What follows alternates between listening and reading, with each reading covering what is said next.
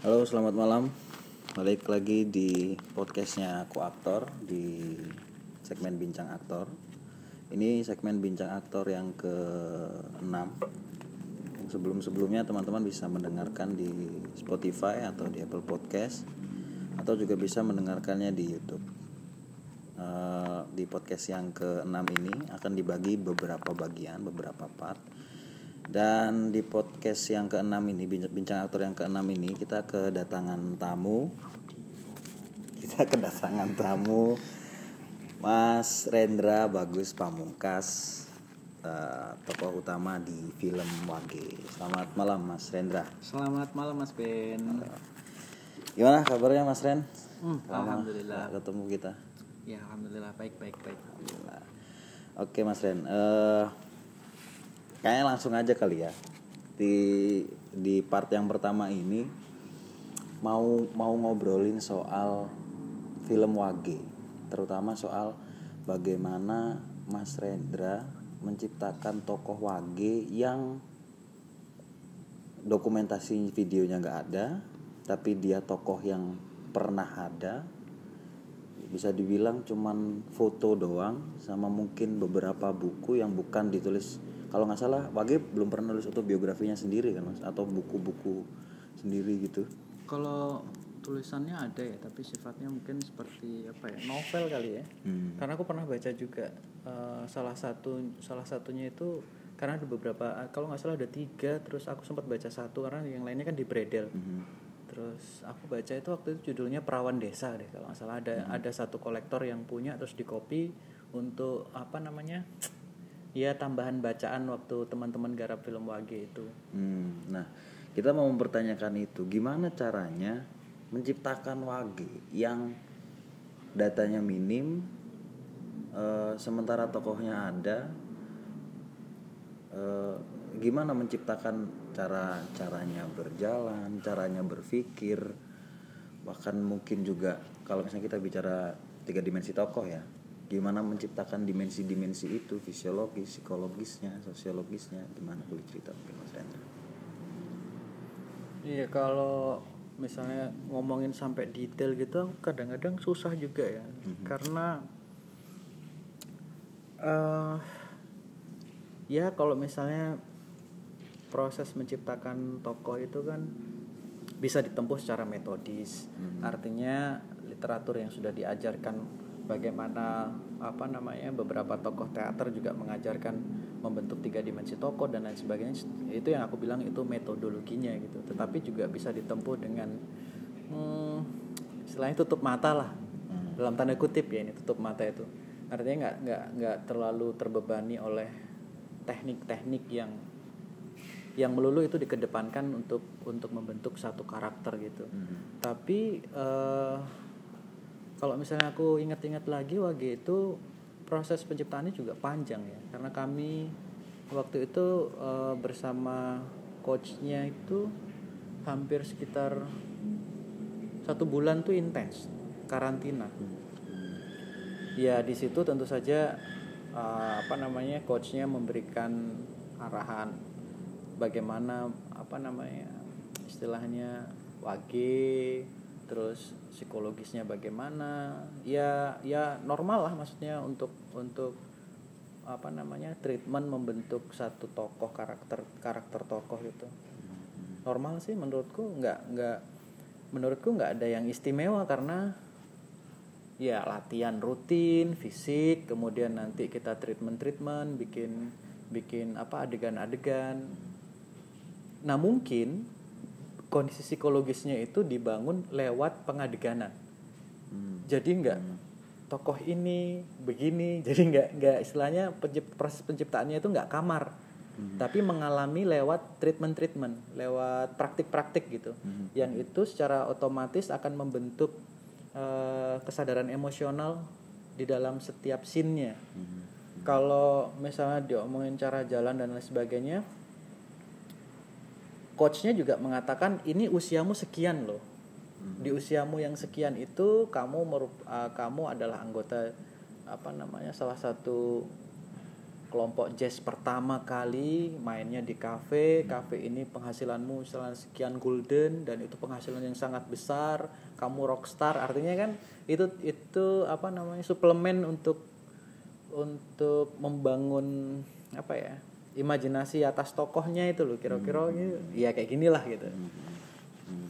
ya itu sih menurutku menurutku ya wajar maksudnya wajar itu bukan treatment yang sampai kayak gimana gitu enggak tapi uniknya tokoh ini ini di luar usahaku menciptakannya mm-hmm. itu seperti ada sesuatu yang aku susah membahasakannya ada dorongan-dorongan yang yang mungkin beberapa kawan yang pernah memainkan tokoh-tokoh yang pernah hidup itu mengalami fase-fase itu.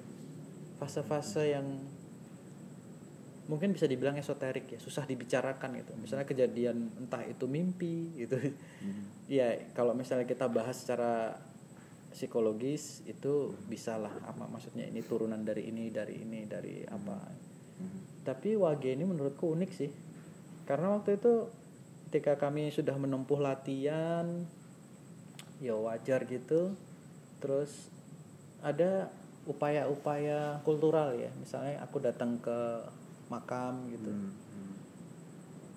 dan yang lebih aneh lagi itu ketika aku datang ke sana kan sehari sebelum aku datang ke pemakam di, di makamnya beliau itu hmm. ya sebenarnya kan untuk datang ke makam itu ini ya apa namanya dialog lah minta hmm. apa minta izin lah kalau misalnya be beberapa teman yang pernah memainkan teks terus apa pencipta pengarangnya sudah meninggal itu kan biasanya datang ke makamnya untuk ya apa ya etika lah mungkin ya. Uh, untuk ngobrol dan minta izin atau ke keluarganya gitu. Uh, ya itu menurutku satu nilai ya. Dan nilai itu hmm, aku masih belum bisa membahasakannya gitu nah uniknya waktu aku perjalanan ke tanah kelahiran beliau di Somongari itu aku banyak ketemu kejadian-kejadian. Jadi data fisik ya data dari kebetulan juga aku ketemu sama salah satu saksi mata yang pernah ketemu beliau langsung. Dan itu menguatkanku gitu. Maksudnya menguatkanku atas oh mungkin dugaan-dugaanku atas wage itu begini gitu. Dan itu uh, tokohnya begini suaranya begini itu kan tadinya aku cuma menciptakannya secara imajinatif kan. Tapi begitu aku ketemu dengan orang yang pernah bertemu langsung dengan beliau gitu aku sampai tanya gini pak kira-kira uh, Wage itu suaranya bagaimana ya? Beliau menjawab gini kurang lebihnya ya saya itu ketemu dengan beliau ketika usianya kurang lebih waktu itu ya kelas kelas 2 sekolah rakyat atau apalah jadi kan kalau usianya pasti sudah agak dewasa ya mungkin sekitar 10 atau 11 tahunan nah mungkin waktu itu jadi kan ingatannya masih kuat sekali Nah, Wage pulang ke Somongari itu untuk uh, dan diinapkan di rumah kakeknya dia, kakeknya atau di rumah keluarganya itu. Karena waktu itu kan orang-orang di sana diminta untuk uh, sudah dapat istilahnya dapat peringatan dari pemerintah Hindia Belanda. Jangan sampai ada yang ngaku ini keturunan apa keluarganya Wage. Jadi semuanya itu tutup tutup mulut gitu. Ya bayangkan aja orang yang mau datang untuk untuk silaturahim ngelarah waris istilahnya kalau orang Jawa bilang itu mencari silsilah mm-hmm. terus mendatangi kampung halaman setelah sekian lama ditinggalkan gitu terus tiba-tiba di sana tidak disambut karena semua orang berada dalam ketakutan kecuali beberapa orang yang memang udah kamu nginep di sini aja gitu. katanya beliau ya beliau dimasakkan terus gini. Aku ketemu mas. Dia nginep di sini semalam. Terus aku tanya kan berarti ingatannya masih kuat sekali. Saya ngomong apa adanya nggak nggak nambahin nggak ngurangin. Beliau gitu. Suaranya gimana pak? Gede apa kecil? Sedang. Tidak terlalu bes, tebal dan juga tidak tipis ya sedang. Terus Wage bagaimana dia bisa mengucapkan bahasa Jawa halus loh. Itu anehnya. Aku bingung ini gimana orang dari kecil sudah dibawa ke Makassar gitu.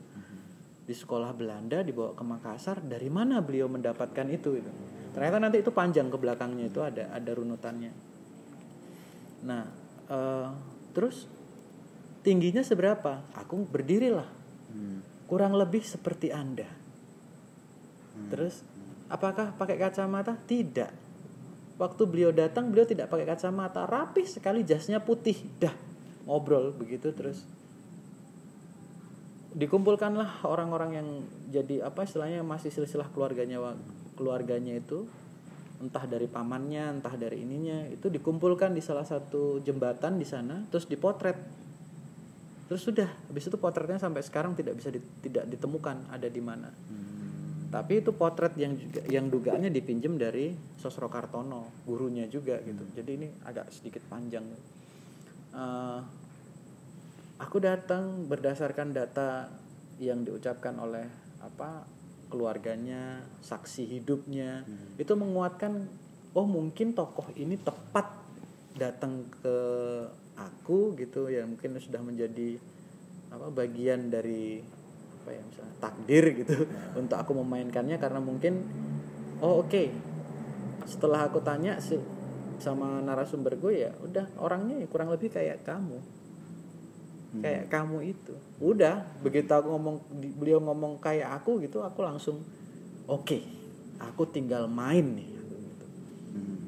jadi eh, timbul apa ya kayak semacam kepercayaan diri gitu. Apa kemudian ketika si orang itu yang yang yang pernah ketemu Wage secara langsung kemudian bilang tokohnya kayak kamu gitu. Apakah Mas Rendra jadi ah ya sudah aku tidak perlu menciptakan bagaimana bentuk tubuhnya berjalan aku tidak perlu menciptakan eh, katakanlah dimensi fisiologisnya gitu apakah ketika ada ucapan itu Mas Rendra jadi oke satu fase selesai aku tidak perlu menciptakan ini dan aku tinggal tinggal bermain aja kalau tidak menciptakan kayaknya enggak ya karena tentu saja berbeda. Hmm. contoh kasus gini lah.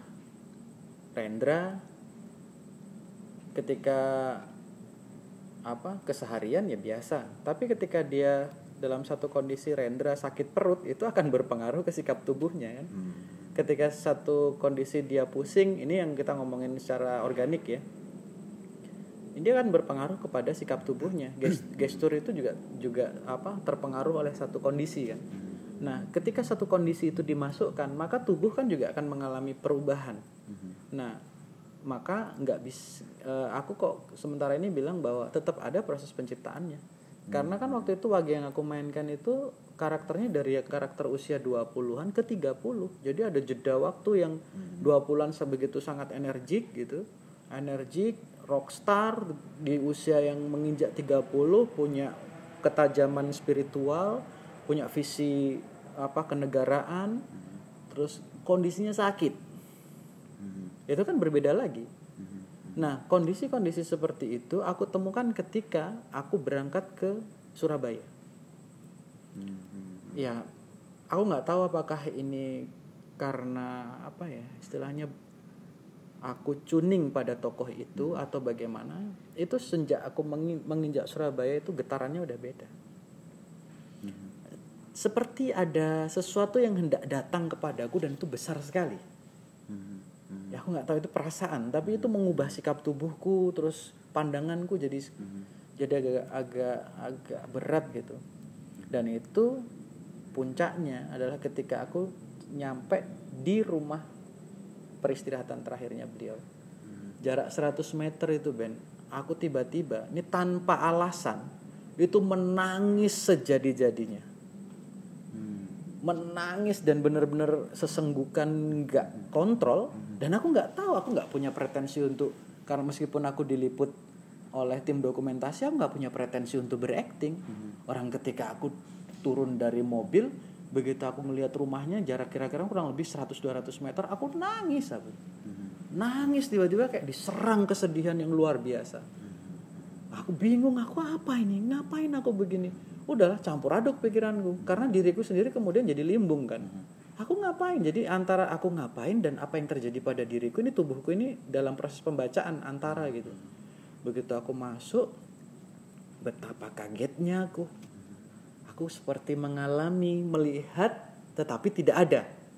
Jadi ini bukan mistik ya tetapi seperti meng apa ya tanpa kontrol ada peristiwa di ruangan yang kosong itu.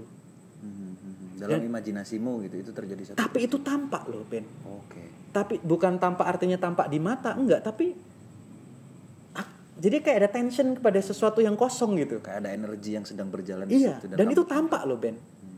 Wujudnya itu tampak loh.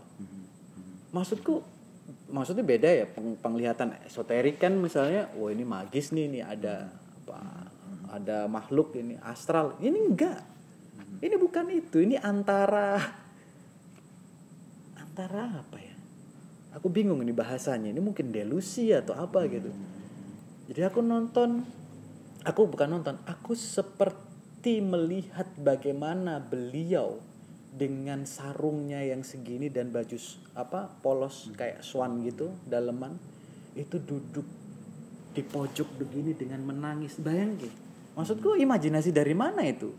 Seorang tokoh besar yang hampir gambarnya nggak ada yang semanusiawi itu itu muncul. Jadi kayak ada energi manusianya di situ. Jadi gini kayak frustasi terus kemudian ber- berjalan membuka jendela dan posisinya itu tidak menghadap ruangan apa luar lang- langsung begini tapi menyamping. Wah, itu kan ngeri Ben. Maksudku aku sampai nangis dan aku bilang sama saudaraku aku nggak tahu tapi ini ada ini ada. Aku bilang gitu ini begini beliau begini beliau begini beliau begini. Dan seperti ada kesedihan yang dalam sekali. Aku nggak ngeh. Wah tuh nangisnya luar biasa. Sampai akhirnya aku bisa mengontrol diriku terus aku minum. Istilahnya aku ngambil air sumur di situ terus aku minum relax cuci muka lah aku. Apa sih ini? Ini apa gitu? Ya sudah dari situ kemudian yuk kita pindah ke makam. Pindah ke makam. Di makam aku jauh lebih tenang. Tapi di makam itu aku nggak ngerti dan tiba-tiba aku lupa cara aku berdoa. Aku di makam itu cuman gini Ben Pak saya ini bukan pemain musik. Saya nggak ngerti musik. Saya nggak tahu apa-apa. Tapi tolong Pak izinkan saya untuk bisa memainkan Bapak. Aku bilang begitu di makam itu. Ya kondisiku aku juga nggak ngerti. Aku pokoknya udah nggak ngerti gitu. Aku sampai kan posisi nggak ngerti sampai bilang kayak gitu kan berarti udah udah lah pak aku nggak ngerti nih mau gimana. Aku bukan pemain musik aku nggak bisa main musik apalagi biola gitu. Tapi tolong izinkan saya pak untuk memainkan bapak. Nah di situ mulailah aku seperti mendengar sesuatu dari antara pendengaran dan perasaan gitu. Kurang lebih kalimatnya begini. Bangunlah jiwanya bangunlah badannya. Kurang lebih begitu aku nggak tahu kalau ternyata itu jadi tagline di film Wage. Aku nggak ngerti wong itu antara kan. Kalau ngomongin agak mistik gitu kan ada satu orang ini tuh aliran aliran istilahnya torikoh agak berbau spiritual gitu ya. Ajaran-ajaran mereka di kelompok itu di komunitas itu. Duduk di sampingku ini karena dia pengen menemani aku kenapa aku diem di makam lama gitu katanya badannya tuh gemetar. Tapi aku nggak ngerti kenapa dia gemetar. Dan situasinya jadi aneh jadi awkward gitu loh. Ini apa sih? Ya? hanya saja memang semenjak saat itu aku mengalami fase-fase yang untuk melepaskan tokoh itu aku butuh waktu kurang lebih 2-3 bulan. Apakah kemudian artinya dalam proses pencarian tokoh ini ada unsur-unsur? Oke mungkin nggak tahu bahasa yang tepat apa yang kupikirkan adalah unsur-unsur magis yang yang itu di luar dari metodologi yang Mas Rendra lakukan. Misalnya entah membaca buku bertanya sama orang yang bertemu pernah bertemu dengan Wage untuk mencari data seobjektif mungkin bagaimana tokoh ini bagaimana bentuk tokoh ini dan bagaimana orang melihat tokoh ini.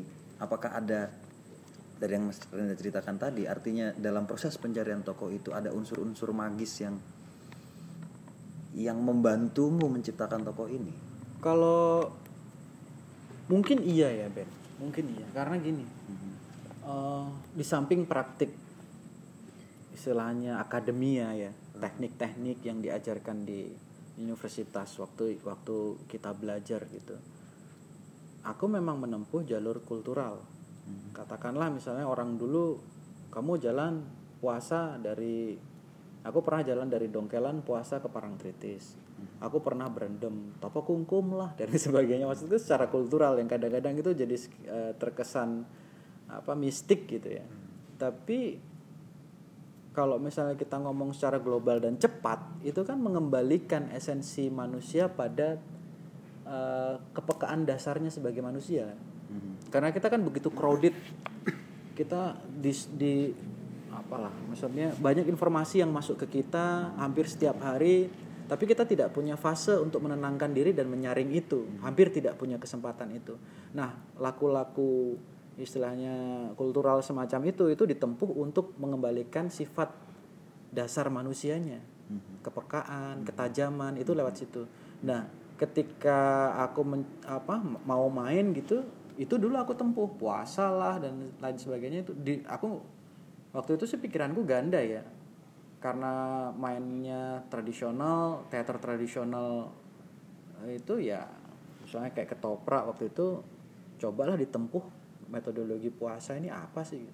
Ya memang jadi lebih fresh jadi lebih enak mainnya lebih ringan karena memang terkonsentrasi kan terfokus terpusat gitu. Dugaanku sih memang ada. Magisnya ada gitu karena aku juga mempersiapkan diri untuk itu. Tapi aku nggak tahu apakah itu relevan untuk dibicarakan di dalam proses pembentukan keaktoran yang kalau misalnya aktor itu ya di luar peristiwa magis itu ada sesuatu yang harus terstruktur. Karena aku ngelihat apa yang kondisi apa kondisi penciptaan Mas Rendra itu kondisinya secara tidak langsung sama kayak ketika Daniel Day-Lewis dapat tokoh Lincoln dia sama-sama tidak punya data tidak punya video tidak punya dia cuma punya foto dan punya cuman punya buku. Dan Daniel Day-Lewis melakukan Misalnya penemuan suaranya adalah dengan membaca sekeras-kerasnya semua bukunya Lincoln untuk sampai pada ini suaranya. Uh, akhirnya aku berpikir mungkin di Barat tidak ada tidak ada fase magis dalam proses pencarian tokoh mereka sehingga Day Lewis berusaha untuk mendekati tokoh ini selogis mungkin meskipun mungkin ada ada ada unsur magis yang dia tidak sadar itu bahwa itu unsur magis gitu. Tiba-tiba muncul muncul warna suara Lincoln yang nggak ada rekaman suara satupun nggak ada. Nah uh, apakah di di di Mas Rendra juga magis atau hal-hal yang kemudian tidak bisa dijangkau dengan logika. Kayak misalnya berkunjung ke makam terus datang ke ke rumah peristi, peristirahatannya. Apakah itu juga jadi Mas Rendra sadari sebagai ini perjalananku untuk menemukan Wage sebelum nanti aku ada di lokasi syuting dan menjalankan hidupnya. Iya. Itu aku sadari betul. Hmm. karena dari ruang ruang apa tempat kelahiran beliau itu aku juga mendapatkan gambar-gambar. Yang oh. maksudnya karena kita karena kita orang kesenian gitu uh, imajinasi kan jalan ya. Ter, terlepas dari apa yang mendorong di bawah sadar kita uh, motif-motifnya itu bagaimana tapi dengan mendatangi tempat-tempat itu seperti mendekatkan kita pada data.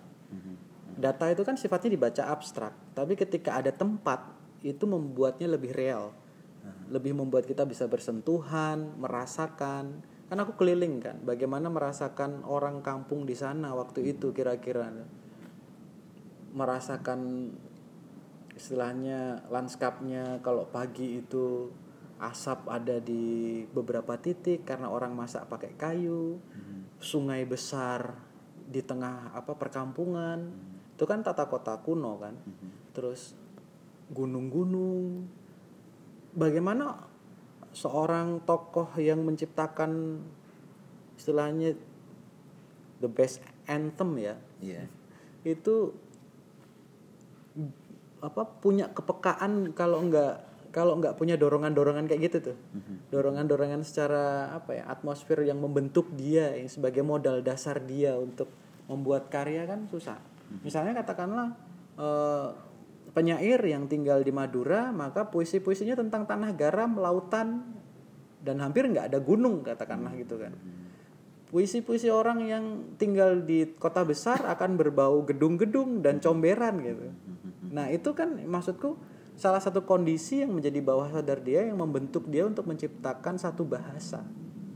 Kalau konteksnya tulisan kan dia menjadi teks, tapi kalau konteksnya manusia yang dilak apa yang yang tersentuh ada tiga dimensinya, berarti kan dia membentuk kesadaran di atas penginderaan. Mungkin gitu ya, dugaanku gitu ya. Oke, Mas Rendra tadi bilang kalau setelah film ini kemudian 2 sampai tiga bulan Mas Rendra butuh waktu untuk melepaskan tokohnya. Aku aku mau nanya soal itu itu menarik. Tapi sebelum itu setelah proses pencarian tadi berkunjung ke makam, berkunjung ke rumah peristirahatan dan mendapatkan pengalaman-pengalaman magis semacam itu. Uh, terus bagaimana caranya menjalankan kehidupan si Wage dalam lokasi syutingnya, dalam tiap adegannya? terutama misalnya aku aku agak-agak agak-agak lupa apakah di Wage setauku sepertinya ada momen dia dia bikin apa uh, lirik Indonesia Raya kalau tidak salah. Nah, bagaimana cara Mas Rendra menjalankan kehidupan yang sudah ditemukan dalam proses pencarian ke proses syuting?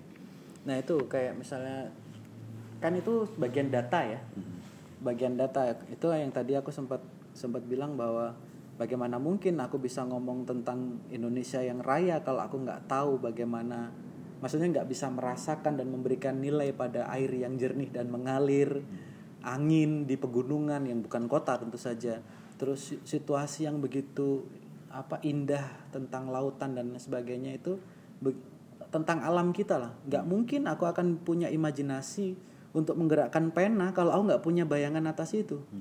Itu maksudku modal dasar tadi. Ini mungkin sorry agak random tapi eh, data itu ketika teks ini masuk teks ini kan disusun dengan berdasarkan riset yang lama ya. Dan teks ini kalau boleh jujur aku nggak baca buku Wage sama sekali loh. sama sekali aku nggak tahu Wage itu siapa aku hanya berdasar pada teks yang ditulis oleh penulis naskah dan semua peristiwa yang ada di dalamnya yang di- sudah dirangkum. Nah, kalau boleh tutup mata nih, aku tinggal menjalankan itu aja. Tapi kan menjalankan itu dibacakan normal. Maksudnya Wage menuliskan ini dalam kondisi kebingungan. Kebingungan dalam konteks apa? Kan nggak punya data, kan jadi random.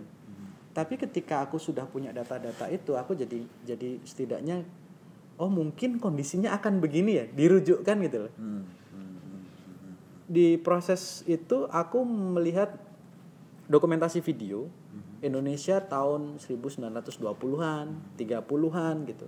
Aku melihat bagaimana apa istilahnya waktu itu eh, pemerintah Hindia Belanda memperlakukan orang-orang pribumi, gambar-gambar yang tidak berhubungan langsung dengan wage. Tetapi konteks sosial masyarakat waktu itu, aku harus paham dong.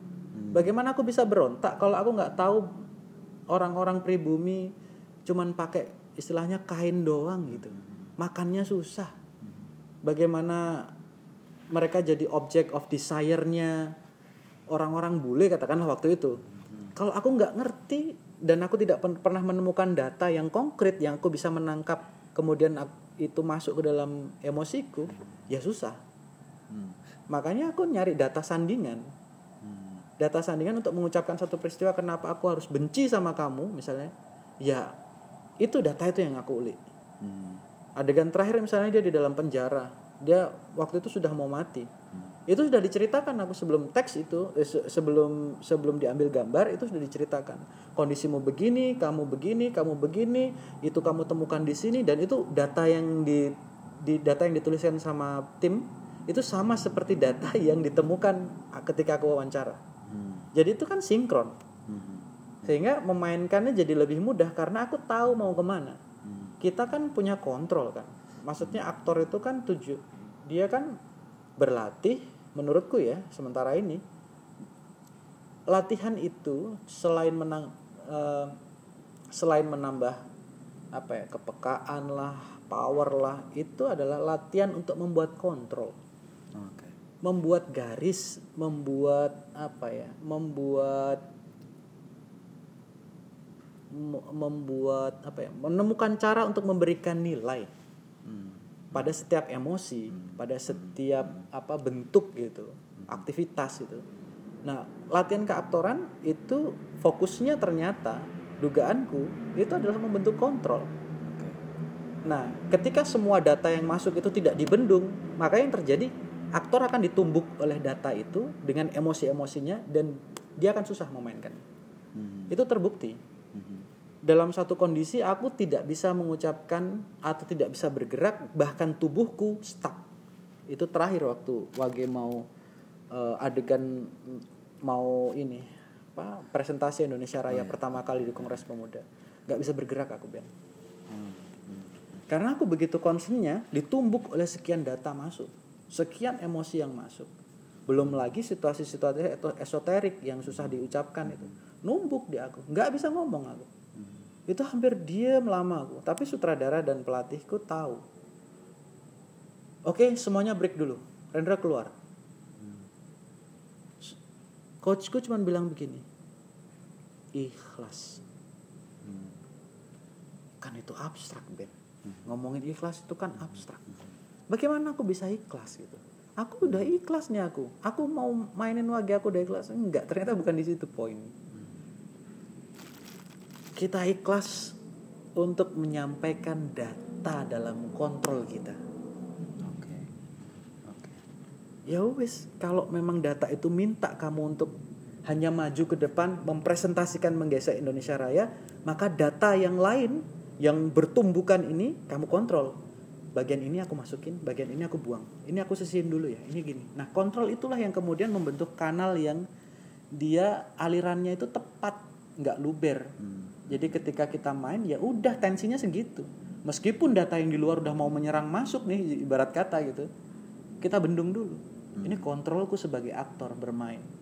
Jadi in between aku tokoh dan aku sebagai personality itu in between.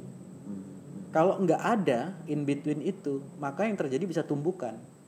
Tapi ada juga yang aku mengikhlaskan kayak gitu ada. Udah tumbuk-tumbuk aja.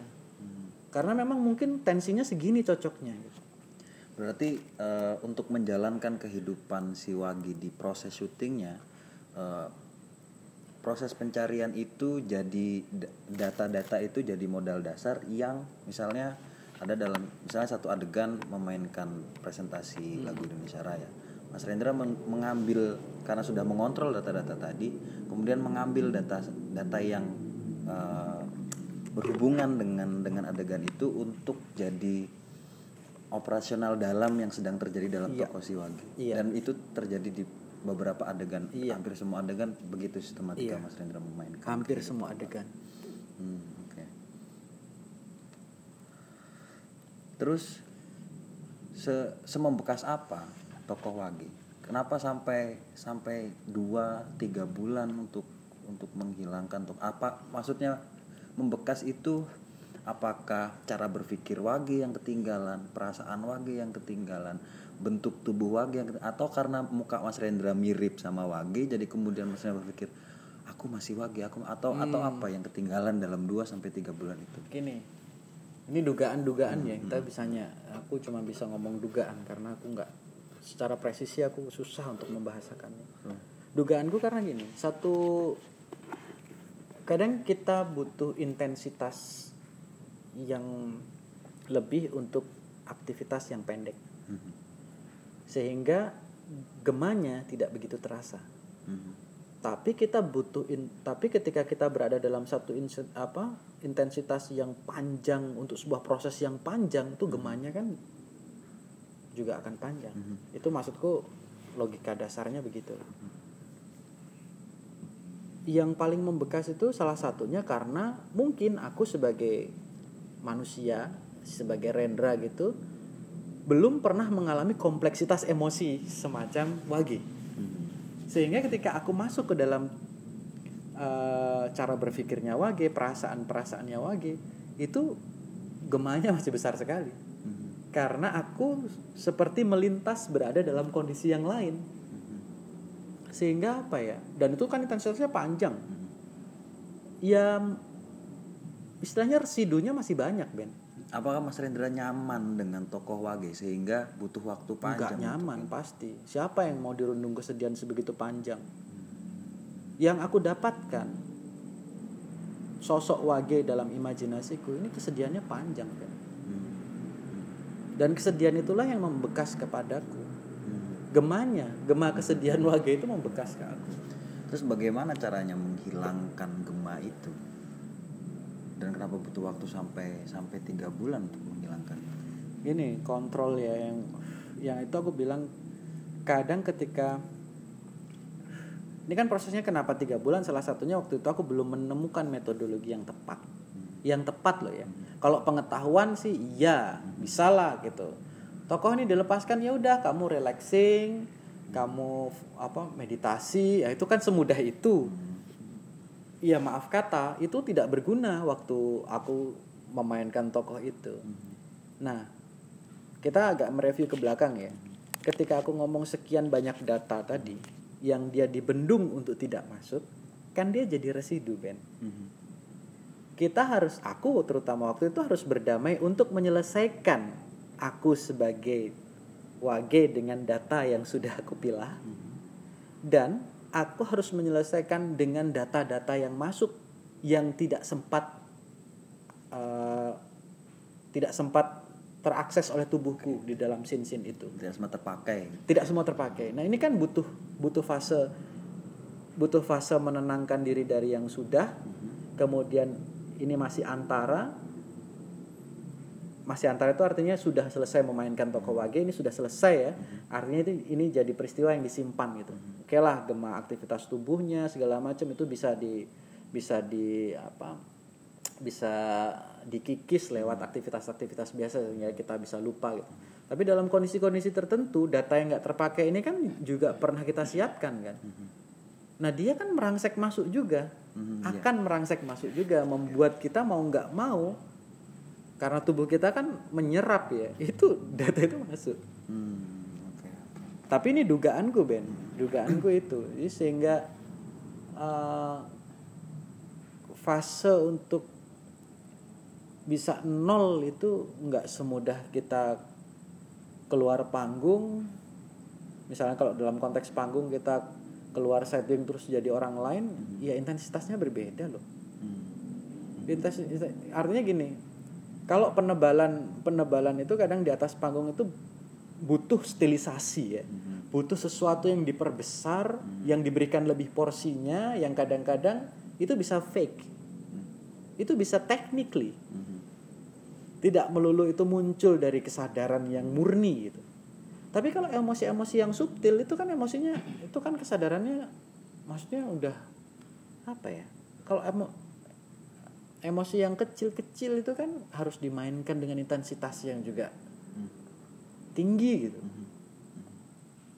ini di luar persoalan ngomongin teknis framing tapi ini teknis bagaimana apa namanya akulah terutama di kasusku itu memberikan tension pada emosi-emosi itu Hmm. kan kita berhadapan dengan banyak data loh memainkan itu nggak sekedar nggak sekedar hanya melakonkan tapi ya itu merangkai data itu tadi Hmm.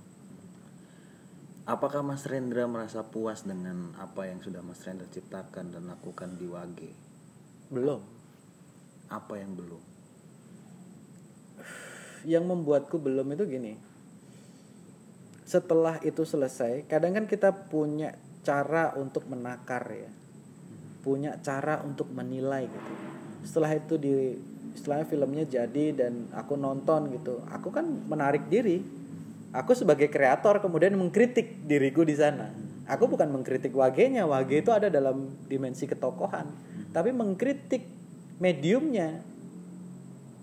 Mengkritik diriku sendiri. Jadi oh ini kurang segini. Ini nggak gini harusnya. Mungkin gini lah. Mungkin gitu lah gitu. Jadi banyak gini gitunya.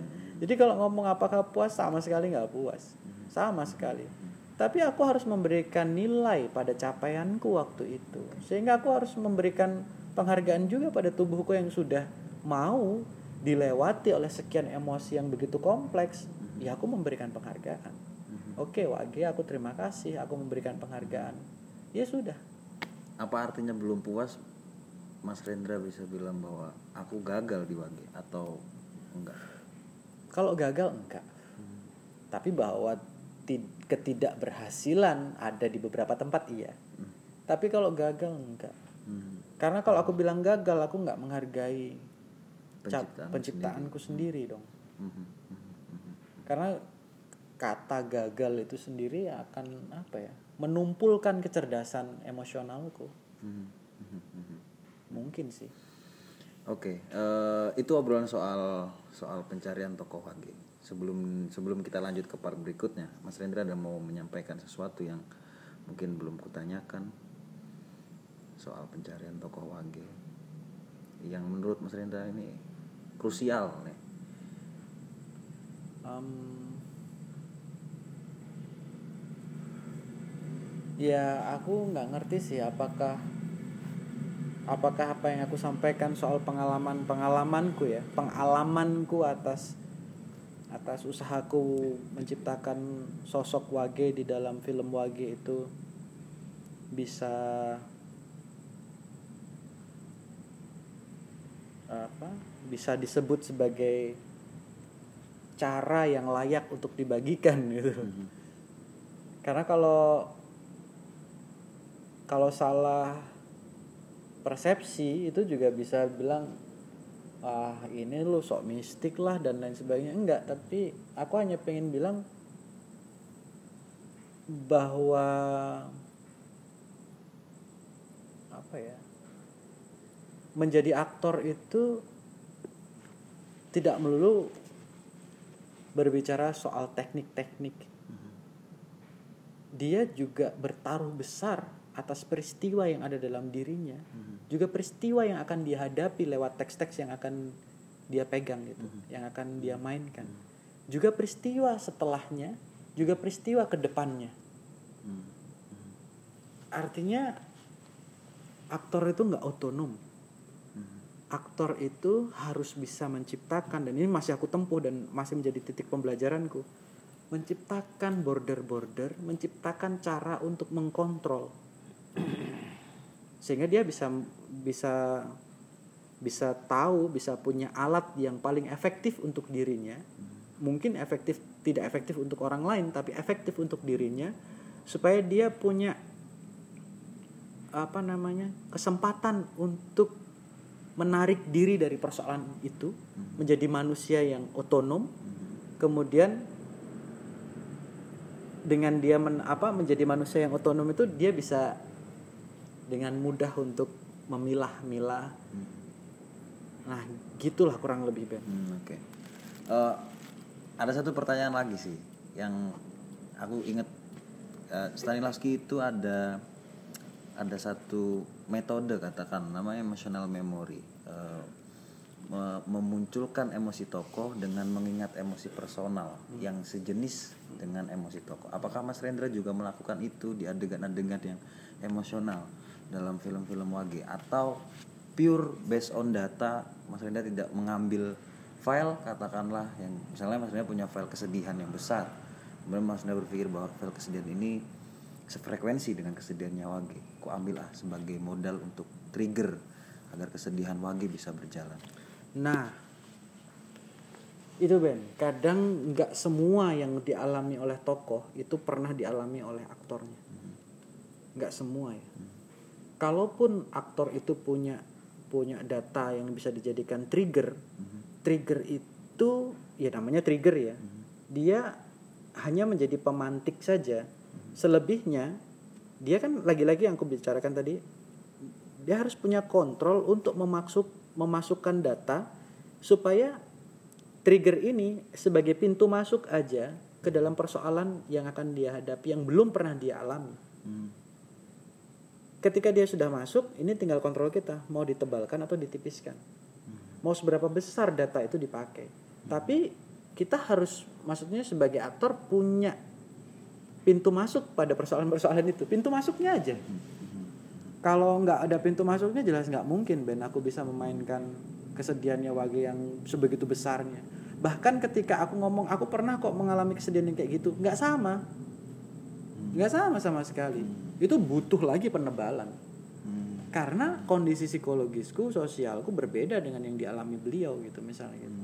Ya susah lah ketika menciptakan lirik Indonesia Raya beliau sampai ist- istilahnya berdoa kemudian di film itu lihat Al-Qur'an terus baca Al-Fatah surat apa surat al-fatah itu dan itu kan maksudnya aku nggak pernah ya mengalami kayak gitu. Baca Al-Quran terus punya tring gitu istilahnya momen eureka apa apa gitu. Ya hampir nggak pernah ya.